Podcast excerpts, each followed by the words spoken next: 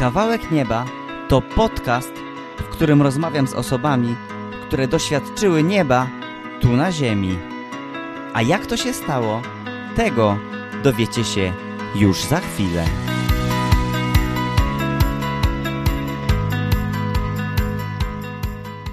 Z tej strony Emil Kawałko, witam serdecznie w podcaście Kawałek Nieba. Jest to pierwszy odcinek i od razu mamy specjalnego gościa. Jest to ojciec Radek Rafał, który jest misjonarzem świętej rodziny, jest pasterzem wspólnoty Poznania Jezusa z Poznania, fascynatem Ducha Świętego, zaraża pasją do Bożego Słowa, ukończył psychologię, jest mówcą na licznych forach charyzmatycznych, konferencjach i rekolekcjach w Polsce i za granicą. Działa na rzecz dialogu między wspólnotami oraz budowania jedności Kościoła. Jest byłym egzorcystą i pracuje w Centrum Formacji Świętorodzinnej Misjonarzy Świętej Rodziny w Bomblinie. Szczęść Boże. Szczęść Boże, witam Was wszystkich bardzo serdecznie. Nie wiedziałem, że tak długo będzie to moje przedstawianie wyglądało. Tyle, tyle osiągnięć, co, co miałem zrobić. Więc zaczniemy od początku. Jako, że wspólnota nazywa się Poznanie Jezusa, wspólnota, którą ojciec założył, to pierwsze pytanie brzmi, jak ojciec poznał Jezusa? Jak poznałem Jezusa? Mhm. Znaczy, wiesz co, poznaję Jezusa cały czas, każdego dnia. Ale tak jakby sięgnąć pamięcią, to myślę sobie, że już w dzieciństwie, szczególnie Pamiętam, jak oglądałem film w kościele na prześcieradle, to wtedy były takie czasy, że w kinach nie było takich filmów. Mhm. I to był film Jezus z Nazaretu, taki włoska, taka włoska produkcja, dwa odcinki. Więc to był taki mocny strzał, bo ja pamiętam, jak wróciłem do domu i wtedy sięgnąłem po Ewangelię i zacząłem czytać Ewangelię. Nie wiem, ile miałem, 10-11 lat, jakoś tak w tym wieku chyba. Mhm. I bardzo chciałem poznać właśnie Jezusa. Chciałem, e, byłem zafascynowany Jego osobą. I nie wiem, czy wcześniej, czy później, ale też e, taki dobry kontakt. Wtedy jeszcze były katechezy przyparafialne, czyli przy parafiach były, nie w mhm. szkołach. Mhm. I tam mieliśmy bardzo też takiego fajnego katechetę, który no, wyjaśniał nam Ewangelię i, i te przypowieści i sytuacje z życia Jezusa i one były takie żywe e, do dzisiaj gdzieś tam w moim mhm. sercu czy w pamięci zapadły. Nie? Więc to były takie pierwsze, pierwsze takie momenty, e, gdzie Jezus stawał się taką bardzo realną e, osobą. Mhm. Prawdziwą. Czyli pomoc tego kapłana, jego obecność, to, że prawdopodobnie on ten film nie, też puścił? Nie, nie, nie, nie, to nie był kapłan, to był katecheta świecki. Katecheta, aha. To był świecki katecheta, tak, tak, to był świecki katecheta. Też wspaniały wtedy tam proboszcz, taki już e, w starszym wieku, e, mhm. no, ale, ale przede wszystkim ten katecheta, e, a film był puszczony w innej parafii, w innym miejscu, no więc takie to były punktowe rzeczy, okay, okay, które się okay. zadziały w życiu. Jasne. A jak to się stało, że poszedł ojciec do zakonu? Hmm, e, to było mm, w średniej szkole, e, bo ja jeszcze w, e, kończąc szkołę podstawową chciałem iść do niższego seminarium, ale moja mama powiedziała mi, że no dobrze by było, żebym skończył normalną szkołę i żebym jak najdłużej się uczył, więc wybrałem technikum rolnicze pięcioletnie w miejscowości, y, w której mieszkałem, w Środzie Wielkopolskiej mhm. i tam, no i to wiadomo, jak to e, młodzieńczy stan i młodzieńcze życie, prawda, to tam gdzieś Pan Bóg poszedł w odstawkę, gdzieś na drugi, trzeci, nawet czwarty plan i e, w czwartej klasie średniej szkoły jeden z moich kolegów zaprosił mnie na e, wyjazd, na rekolekcję, mm, bo on dostawał bez przerwy e, takie zaproszenia e, właśnie od misjonarzy Świętej Rodziny, bo jego wuja był misjonarzem Świętej mhm. Rodziny w Norwegii, misjonarzem w Norwegii. I on mówi, wiesz co, niech mi dadzą wreszcie spokój, to jak pojadę chociaż raz i z kimś, a sam nie chcę jechać, może pojedziemy razem, no to wtedy, to wtedy dadzą mi spokój i będzie już, mhm. no, jakby odhaczone. Najpierw mieliśmy jechać gdzieś, to było w Bomblinie. Ja mówię, co to jest Bomblin w ogóle, co to za miejscowość koło Poznania, blisko naszego miejsca zamieszkania. Mhm. Absolutnie nie ma tej możliwości, ale drugi potem wyjazd był e, w góry stołowe. E, Szczytna Kłodzka, Szczytnik, No ja mówię, no to w góry, no to ewentualnie można, można, można tak, przyjemne z pożytecznym. E, ja wtedy dosyć tak wyglądałem rock'n'rollowo, bo nosiłem długie włosy, e, obcisłe spodnie, e, taki byłem trochę, trochę taki byłem właśnie buntowniczy, prawda, księża na mhm. księżyc, budować szkoły, nie kościoły i tak dalej. Ale tak umiarkowanie oczywiście, umiarkowanie to wszystko było. I no pojechaliśmy tam, no i tam nic szczególnego się nie działo. Czy, czytaliśmy dzieje apostolskie, były normalne rekolekcje. Ja się potem dowiedziałem, że to są powołaniowe rekolekcje. W ogóle nie wiedziałem o tym, że to są powołaniowe. Było 60 chłopaków, więc to było bardzo dużo, e, bardzo dużo osób. E, też było chodzenie po górach oczywiście. A ja no, tylko wtrącę, co znaczy powołaniowe rekolekcje?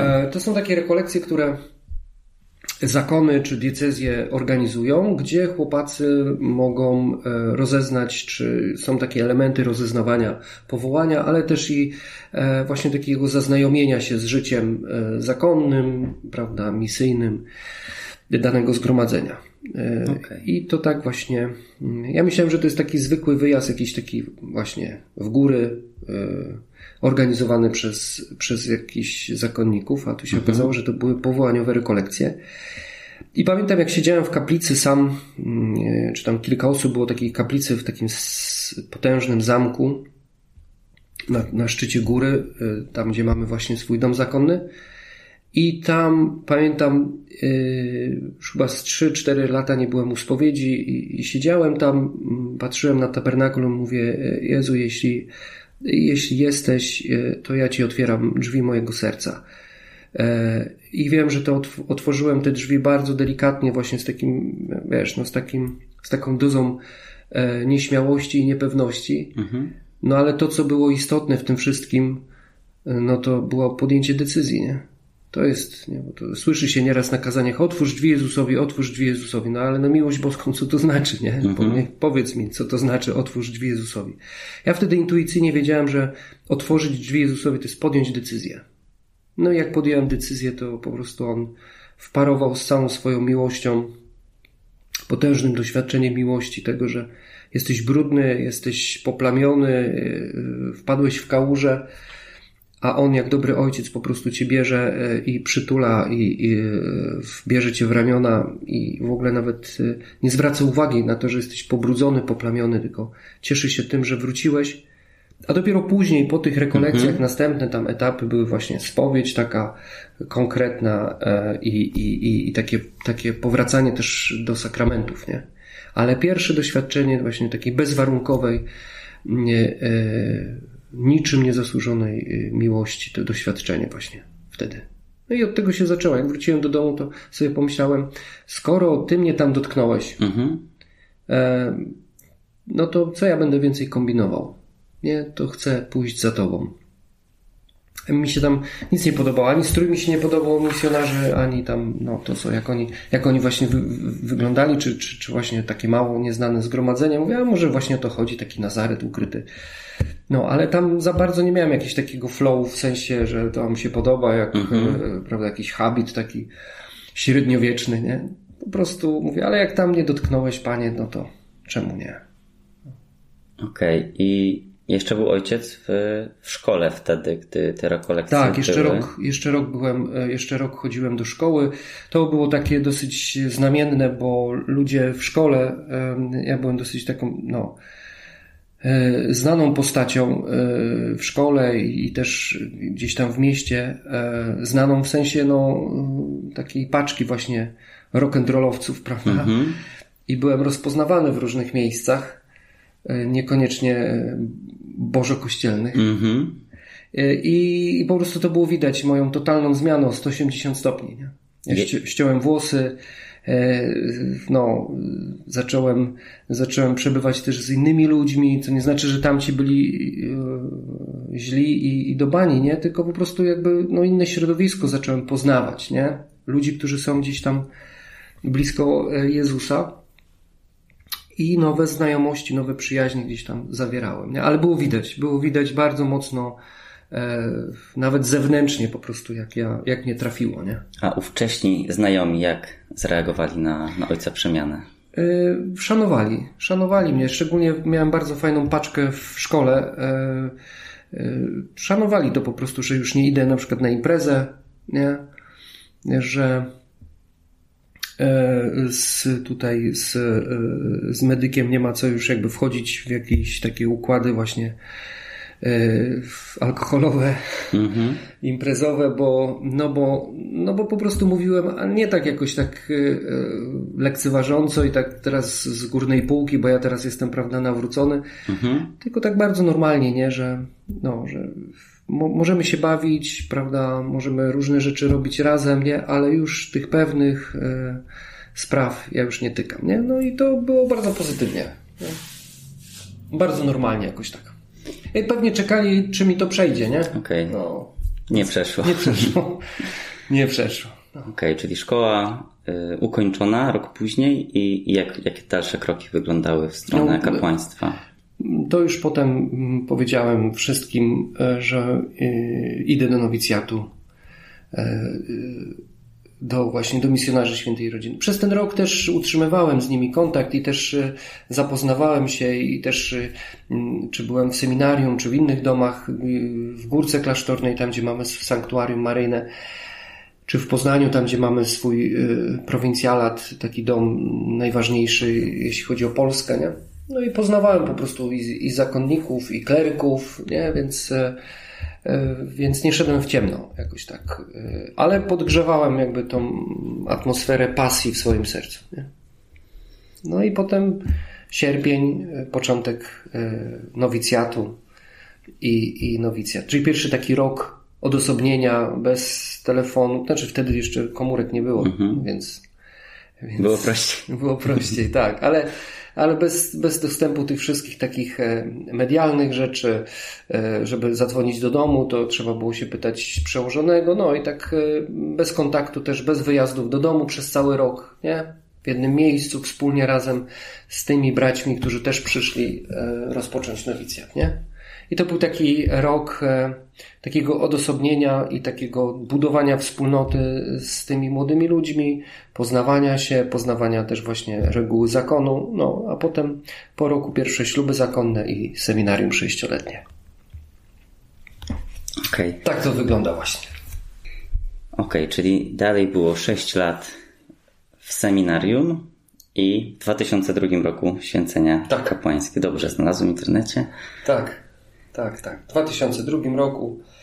I większość swojego życia e, e, e, spędzam w Bomblinie, właśnie w tym ośrodku rekolekcyjnym. Okej. Okay. Chciałem spytać, jak to się stało, że wybrał ojciec zakon misjonarzy świętej rodziny, ale to już. Już powiedziałem. Już powiedział ojciec, tak, więc to naturalnie wyszło. A teraz pytanie troszkę z innej beczki.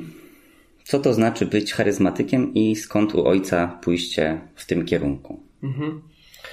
Dla mnie być charyzmatykiem to jest jakby wypływa z samego faktu Chrztu Świętego. Każdy chrześcijanin jest charyzmatykiem, każdy jest charyzmatyczny, bo taka jest natura chrześcijaństwa. Nie? Jesteśmy Chrystusowi. E, Chrystus jest tym, który niesie i jest pełen Ducha Świętego, a więc każdy chrześcijanin ma być napełniony e, Duchem Świętym. A moje doświadczenie, no, y, to było cały czas to poszukiwanie, że chcę więcej, y, chcę więcej Jezusa, chcę go poznawać. Moją motywacją pójścia do, do zakonu, w ogóle tą drogą, to była miłość do Jezusa, więc, y, więc myślę sobie, że jeśli szczerze szukasz tej miłości, to, to musisz prędzej czy później otrzeć się, czy trafić na Ducha Świętego.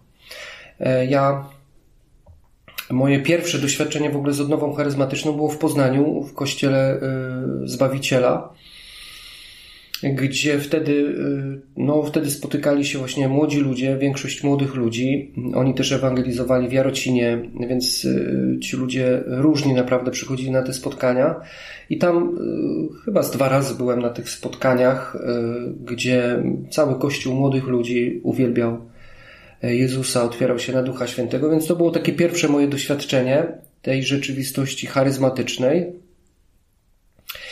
A potem, e, a potem pojechałem razem z ojcem Sylwkiem na rekolekcję e, Szkoły Nowej Ewangelizacji. I tam doświadczyliśmy właśnie modlitwy charyzmatycznej i bardzo mocno gdzieś tam w swoim sercu zapragnęliśmy, żeby w tym kierunku pójść. Ja też bardzo mocno parłem i udało się zrobić w seminarium E, udało się zrobić w naszym seminarium, e, seminarium odnowy w Duchu Świętym, przejść to. No i w sumie tak we, we dwóch zaczęliśmy e, spotykać się na modlitwie, czytać Słowo Boże, też właśnie z taką myślą i z takim pragnieniem otwarcia się właśnie też na tą sferę, strefę czy sferę charyzmatyczną.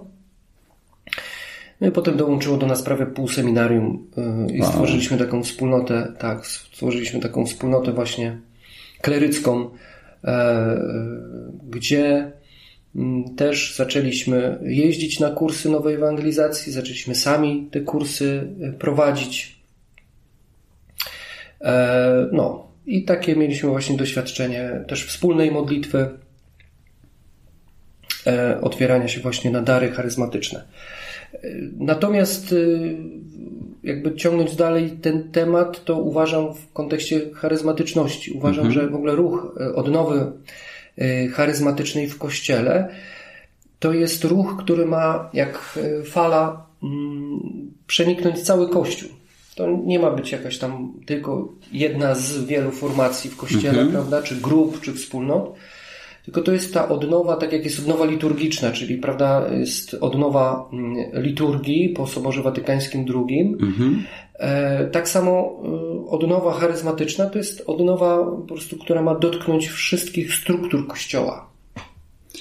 Przeniknąć ją i e, no, ożywić. Nie? I taki mhm. jest, taki był zamysł ruchu charyzmatycznego i taki cały czas jest zamysł ruchu charyzmatycznego no, z różnych względów różne grupy czy różni ludzie, prawda, bardziej lub mniej otwierają się czy zamykają się na tą mhm. przestrzeń. Nie? A też pytanie z perspektywy osób, które nie miały do czynienia z charyzmatami i z ruchem charyzmatycznym, to czym właśnie są charyzmaty i, i ruch charyzmatyczny go scharakteryzować dla osoby, która nigdy o nim nie słyszała? Pytanie jest takie, czy mamy do czynienia z osobą e, wierzącą, e, czy niewierzącą, czyli mamy do czynienia z osobą, która e, przyjęła Jezusa, czy jeszcze go nie przyjęła, wiesz, bo mamy taki, trochę mamy taki miszmasz, chociażby patrząc z perspektywy Polski, mhm. prawda? Mamy ludzi na przykład ochrzczonych, a nie zewangelizowanych, mhm. nie? Mamy ludzi, którzy narodzili się w chrzcie świętym, ale nie stali się chrześcijanami. Mhm. No, i teraz, y, no i teraz jest pytanie, y, z jakich powodów oni, oni o tym nie wiedzą, prawda, co jest częścią czy, czy głównym nurtem Kościoła. Nie? Teraz y, no, trzeba by było wiedzieć, do kogo się mówi, tak? Bo, no, bo jeśli mamy do czynienia z osobą, która totalnie jest po prostu, jest tylko ochrzczona, ale mhm. Jakby bardzo daleko od Pana Boga i nie stała się jeszcze chrześcijaninem, no to trzeba powolutku ją te, te, te prawdy y, y, wykładać czy, czy przygotowywać, prawda? Cała e, jakby praktyka i teoria na temat charyzmatów jest ujęta w pierwszym liście do Koryntian i mm, to jest doświadczenie wspólnoty korynckiej, którą założył święty Paweł. Tam bardzo mocno zaczęto, zaczęli się właśnie e, otwierać na, na to działanie Ducha Świętego. I, ale myślę sobie, że, że, że w, gdzieś tam w tych wszystkich wspólnotach, które zakładał święty Paweł, to się działo. E, ale w sposób szczególny właśnie to e, te regulacje czy, czy wyjaśnienie, czym te dary i charyzmaty są, e, to jest właśnie w liście do Koryntian. Czyli to jest pierwsza bardzo ważna rzecz, że to nie jest coś oderwane od życia Kościoła, tylko jest to coś, co jest wpisane w to życie. Mhm. I Problem polegał na tym, że przez wiele wieków jakby Kościół z, z jakichś powodów przestał otwierać się na tę rzeczywistość. Może z tego też względu, że bardziej katechizował niż ewangelizował, prawda? W katechizacji już nie potrzeba takich yy, znaków, cudów, prawda? Bo już jest chrześcijanin ugruntowany, mm -hmm. on tylko potrzebuje jakby takiego umocnienia w wierze, prawda? Natomiast w większości w ewangelizacji dokonują się takie właśnie nadzwyczajne rzeczy, które się, których możemy się, możemy doświadczać. Natomiast, natomiast jeśli chodzi o charyzmatyczność, no to jest takie nadzwyczajne, choć zwyczajne działanie Ducha Świętego. To, a charyzmaty, można by powiedzieć tak w skrócie, że to są takie narzędzia do budowania kościoła. Tak? E, mamy, mm, mamy dary Ducha Świętego, o, o, których się mówi w czasie bierzmowania, i to są mhm. dary, które mają nas y, przybliżyć, y, czy uaktywnić w nas, czy sprawić w nas charakter Jezusa, mhm. prawda? Y, I to, są, I to są dary takie uświęcające, czyli potrzebne nam do uświęcenia w drodze do tego, żeby stawać się coraz bardziej podobnym do Chrystusa. A jakie na przykład Natomiast, są to no, dar mądrości, prawda, dar bojaźni Bożej, te wszystkie, które są w, w Izajaszu wypowiedziane i, i, o których się uczymy też w czasie właśnie sakramentu, przed sakramentem bierzmowania, prawda? Mhm. Natomiast charyzmaty to jest działanie takie nadzwyczajne Ducha Świętego do budowania Kościoła. Nie siebie samego, tylko do budowania Kościoła. No, nie można tak w skrócie, można by tak powiedzieć, o, że e, nasze życie jest walką. To jest walka duchowa. I my potrzebujemy narzędzi i zbroi i mm, oręża, mhm. które pochodzi z nieba, prawda? Nie może być tylko takie ludzkie, wytworem ludzkiej, ludzkiego rozumu, pomysłowości, E, I te dary charyzmatyczne są takimi właśnie narzędziami, e, czy taką bronią w walce e, no, z tą rzeczywistością ciemności, prawda? Mamy do czynienia tam, i święty Paweł mówi o darze prorokowania, o darze mądrości słowa, o darze poznania, o darze czynienia cudów, charyzmatycznej, takiej nadzwyczajnej wiary, języków, tłumaczenia języków. I to wszystko, jakbyśmy się tak skupili, to są takie, e, takie narzędzia, które wykorzystuje się właśnie w walce czy w głoszeniu Ewangelii, prawda? Gdzie mm, e, one pokazują i przejawiają, pokazują przejawy Bożej mocy. Tego, że Ewangelia jest mocą Bożą ku zbawienia, ku zbawieniu. Mhm. A nie tylko jakimś opowiadaniem, prawda, e, jakąś prozą, którą może warto przyjąć, bo e, jest tam mowa o dobrym, o byciu dobrym człowiekiem, prawda. Mhm. Tylko to jest, tylko to jest, to jest objawienie Bożej mocy. Bożej mocy. Tego, że naprawdę uczestniczymy w czymś e, niesamowitym, potężnym, nadzwyczajnym, nie? Tak bardzo w skrócie, choć trochę opisował. Okej. Okay. Mm. To teraz i blisko, i nie blisko. Jak to się stało, że założył ojciec wspólnotę Poznania Jezusa? Pierwsza rzecz to było zawsze we mnie pragnienie tego, żeby stworzyć taką grupę ludzi, y, którzy będą tak prawdziwie sercem uwielbiać Jezusa. E, bardzo, na, e, bardzo gdzieś y, miałem to też na sercu, e, żeby to uwielbienie też w kościele było na poziomie i e, żeby było takim prawdziwym e, uwielbieniem, takim osobistym, pełnym pasji i też mocy. I żeby nie było katolipy, jak to się mówi. Mhm. Nie, to było pierwsze. Też byłem bardzo tak zafascynowany tym, co zobaczyłem w internecie u naszych braci protestantów e, w Stanach Zjednoczonych, International House of Prayer, gdzie tam od wielu, wielu lat, ponad 10, 24 godziny, 7 dni w tygodniu non-stop, nieustannie uwielbiają Jezusa. I kiedy to zobaczyłem, mówię, wow, to to, co w moim sercu jest takim pragnieniem, to ktoś robi już w świecie. Nie? To mhm. znaczy, że to jest możliwe. I zebrała się grupka ludzi, e, która muzyków, w większości to byli muzycy, którzy chcieli, mm, którzy chcieli jakby za tym pójść. A wcześniej z, od wielu takich znaczących osób e, e, charyzmatycznych w tym świecie charyzmatycznym słyszałem proroctwa, że, że powstanie wspólnota, że mam założyć wspólnotę, że to będzie wspólnota młodych. gdzie będą działy się uzdrowienia, uwolnienia, że nawet małe dzieci będą nakładać ręce i, i będą się działy cuda. Więc no w końcu trzeba było coś zrobić w tym kierunku. A że ludzie się zaczęli też gdzieś gromadzić i, e, e, i mieć podobne pragnienie, no to od tego zaczęliśmy. I zaczęliśmy 9 lat temu w Bomblinie. Potem, e, potem 3 mm, lata gdzieś tak byliśmy w takim ukryciu, w tym sensie, że po prostu ćwiczyliśmy cały mhm. czas e, pewien też model uwielbienia, którego się nauczyliśmy właśnie z IHOP-u. E, model taki harfy i czaszy. Mhm. No i uważaliśmy, że nie jesteśmy gotowi do tego, żeby wychodzić na zewnątrz i, i, i jakieś, e, czy, czy, czy ewangelizację, czy cokolwiek robić, tylko po prostu to była grupa ludzi, takich pasjonatów, żeby no, robić to dobrze. Potem spotykaliśmy się na, e, na Wydziale Teologicznym na Wieżowej, potem u sióstr Urszulanek i to już były już od, tych, od tego momentu, kiedy zaczęliśmy się spotykać u sióstr Urszulanek, zaczęły być to otwarte spotkania. A tak w skrócie, na czym polega model harfy i czaszy? Mm, to jest taki model, e, w którym uwielbia się słowo, wyśpiewuje się słowo Boże, czy kiedy jest to model wstawienniczy, to wtedy poprzez słowo Boże i, i, i wszystko jest zakorzenione w słowie. Wszystko jest zakorzenione w słowie. E, I to jest takie uczenie się też spontaniczne, wyśpiewywanie różnych treści, czy śpiewanie w ogóle Słowa Bożego. E, właśnie e, przy, przy muzyce, więc no to wymagało bardzo dużej takiej wolności w śpiewaniu, spontaniczności, żeby wziąć tekst czy modlitwę, która jest w Twoim sercu, ją wyśpiewać, a nie wypowiedzieć. Nie? Mhm.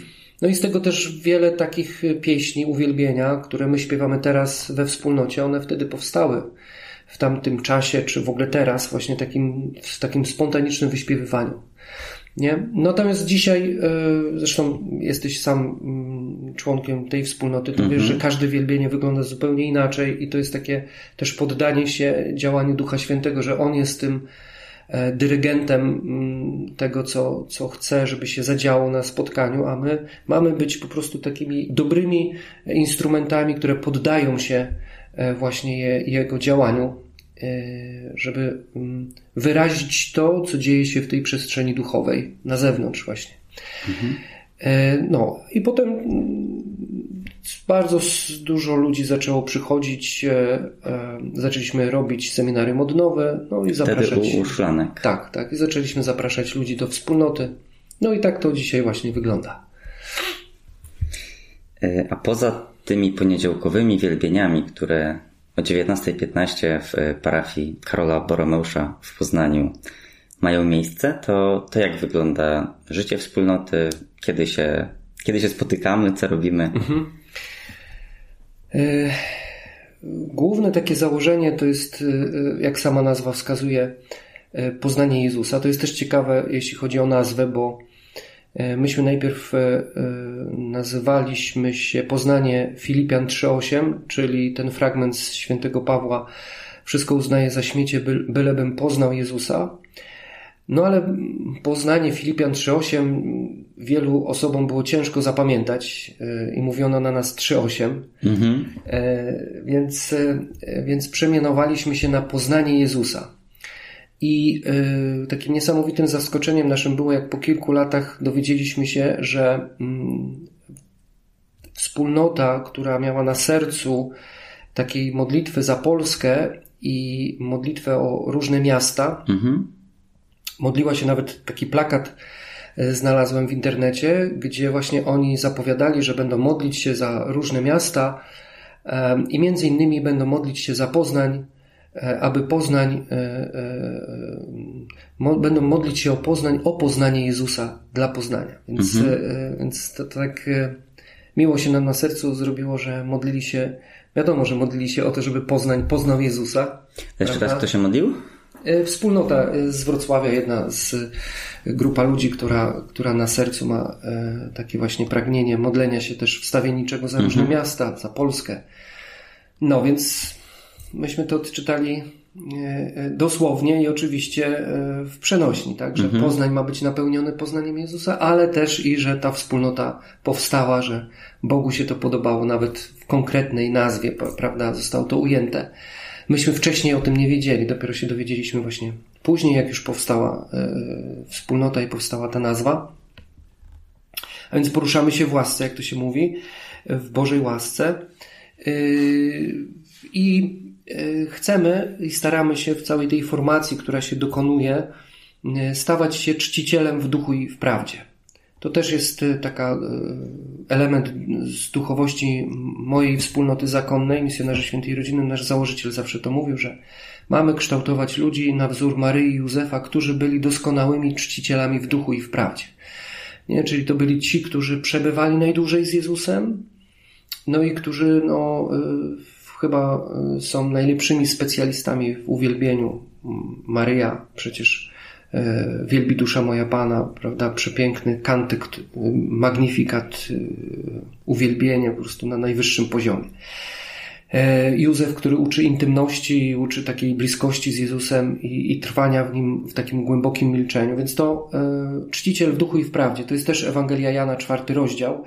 No i to wszystko, co robimy, czy post oblubieńczy, prawda, e, czyli pościmy tylko ze względu na Jezusa, czy spotykamy się na rozważaniu Słowa Bożego w wieczernikach, prawda, gdzie kształtuje nas e, e, Słowo Boże z niedzieli, mhm. czy od tego roku zaczęliśmy codziennie rozważać życie Jezusa, nie w tych zeszytach poznanie Słowa. Więc to wszystko się dzieje, e, to jeśli chodzi o taką formację, więc formacja jest bardzo mocno oparta na Słowie Bożym, dlatego że wierzymy w to, że wszystko, co jest zakorzenione w Słowie, zostanie ożywione duchem.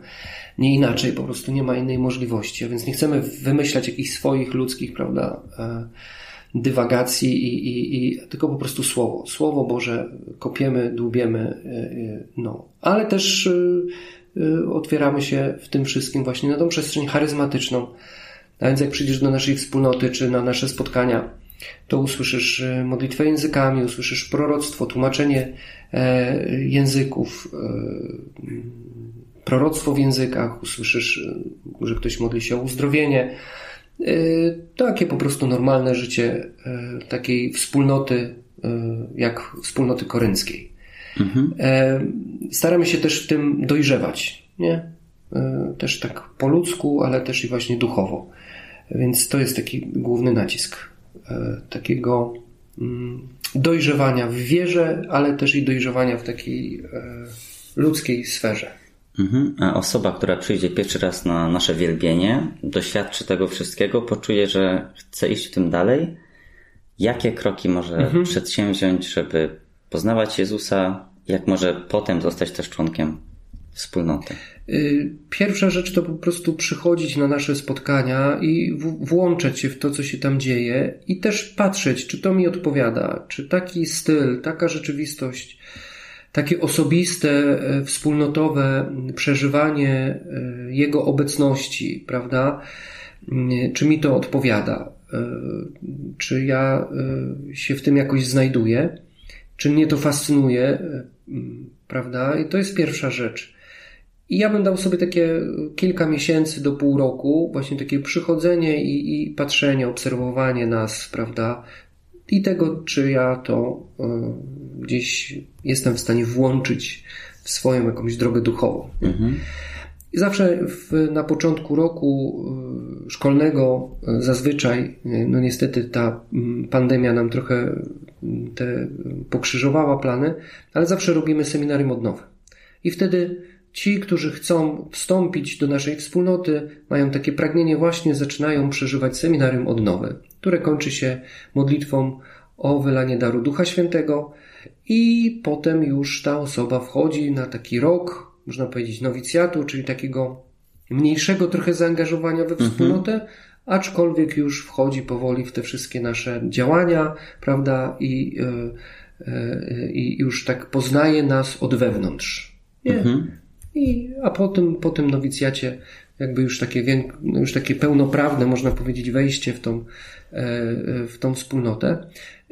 Przede wszystkim to jest kwestia badania swojego serca, czy, czy Bóg chce, żebym ja był w tym miejscu i czy ja jestem w stanie też sprostać tym różnym wymaganiom, które gdzieś tam sobie stawiamy na drodze, nie? Mhm. dojrzewania w chrześcijaństwie. A kiedy rusza najbliższe seminarium odnowy? E, to jeszcze wszystko będzie zależało niestety od e, fal pandemicznych.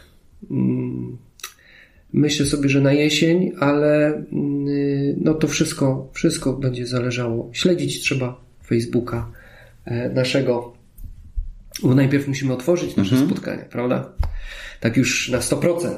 No, więc czekamy na te wszystkie E, na koniec wakacji i na to, co się będzie działo we wrześniu i w październiku, jak to będzie wyglądało, prawda, z tym koronawirusem. Ale cały czas się spotykamy i cały czas zapraszamy oczywiście, tylko mhm. no, nieoficjalnie zapraszamy, prawda? Mhm. Ale, ale wiadomo, że, że spotkania przez całe wakacje też się odbywają u Boromeusza. Mhm. Ja jeszcze dodam, że co poniedziałek o godzinie 18 e, w Domu Wspólnoty, czyli w Wieczerniku, to jest adres na Romowicka 26 na parterze, czyli to jest godzina 15, 15 przed wielbieniem. Są takie spotkania przy kawie, przy cieście, gdzie można poznać członków wspólnoty, poznać też ludzi, którzy chcą dołączyć do wspólnoty, więc Pogadać jeśli, wspólnie razem, pobyć ze sobą. Jeżeli się zastanawiasz, kto na tych wielbieniach w ogóle jest i co to za ludzie, to zapraszamy też chwilkę wcześniej, żeby, tak żeby się poznać. Tak jest. Ja już więcej pytań nie mam. Bardzo dziękuję Ojcze Radku za, za przybycie i za, za piękną rozmowę. To był podcast Kawałek Nieba. Za mikrofonem Emil Kawałko. Bardzo dziękuję i dobrego wieczoru albo poranka. Zależy kiedy słuchacie. Cześć. Cześć, dzięki bardzo. Szczęść Boże.